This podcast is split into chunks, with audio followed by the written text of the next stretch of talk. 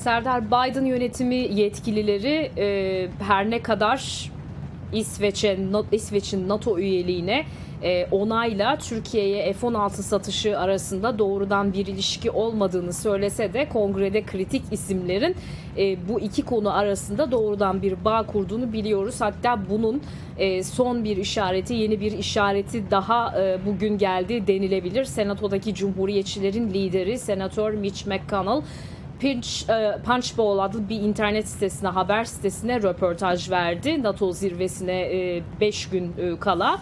Ve bu röportajında Cumhuriyetçi senatör e, İsveç'in NATO üyeliği konusu e, çözülene kadar Türkiye'ye F-16 satışından e, yana olmayan isimlerden birisi olduğunu, o grup içerisinde yer aldığını söyledi. Cumhuriyetçi senatör bu açıklamasıyla Senato Dış İlişkiler Komisyonu Başkanı Bob Menendez'in aslında görüşünü desteklemiş oldu ki Menendez'in de her ne kadar son dönemde bu konuyla ilgili yeni bir açıklama yapmış olmasa da e, Mart ve Nisan aylarında yapmış olduğu açıklamalara bakıldığında e, Menendez'in de benzer çizgide olduğunu söylemek mümkün. E, neden e, bu isimler üzerinde duruyoruz? Çünkü Amerika'nın yabancı ülkelere silah satışı ABD Kongresi'nin onayına sahip ve kongrenin alt ve üst kanatları Temsilciler Meclisi ve Senato'nun Dış İlişkiler Komisyonlarının başkanları ve kıdemli üyelerinin bu konudaki görüşleri e, önem taşıyor. Bu açıdan e, önemli e, Cumhuriyetçi Senatörden gelen son açıklama.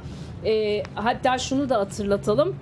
Senato Dış İlişkiler Komisyonu'nun e, kıdemli Cumhuriyetçi üyelerinden yine Jim Risch geçtiğimiz ay e, İsveç'in NATO üyeliğini bloke eden bir diğer NATO üyesi Macaristan'a e, yeni silah e, sevkiyatını bloke e, etmişti. Bu yönde bir e, karar açıklamıştı.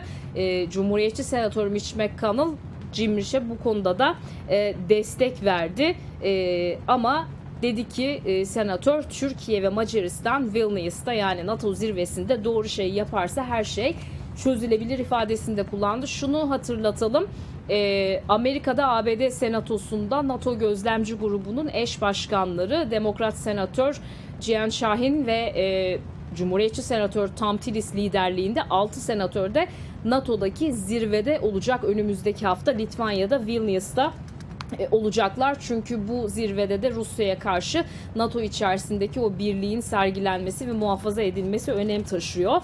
E, biz de bu konuda bir uzman e, görüşüne başvurduk ki kendisi e, ABD Savunma Bakanlığı'nın Avrupa ve NATO politikalarından sorumlu eski yetkililerinden birisi. NATO konusunda, güvenlik stratejileri konusunda önemli bir uzman Jim Townsend. O da dedi ki e, bu e, iş yani İsveç'in NATO üyeliği meselesinin sonbahara kalması halinde e, Türkiye'ye yeni F-16 ve e, modernizasyon yedek parçaların e, verilmesinin sağlanması daha da zorlaşabilir dedi. Ama şunu da ifade etti e, NATO uzmanı genelde e, NATO çerçevesinde ve İsveç bağlamında e, hem hafta sonu hem de pazartesi günü yapılacak görüşmelere de dikkat çekerek sürecin devam ettiğine de dikkat çekerek bu tür görüşmeler genelde hani son ana kadar e, baskıyı sürdürmek için e, son ana kadar bu tür şeyler yaşanabiliyor. Dolayısıyla daha da zirveye e, var dedi.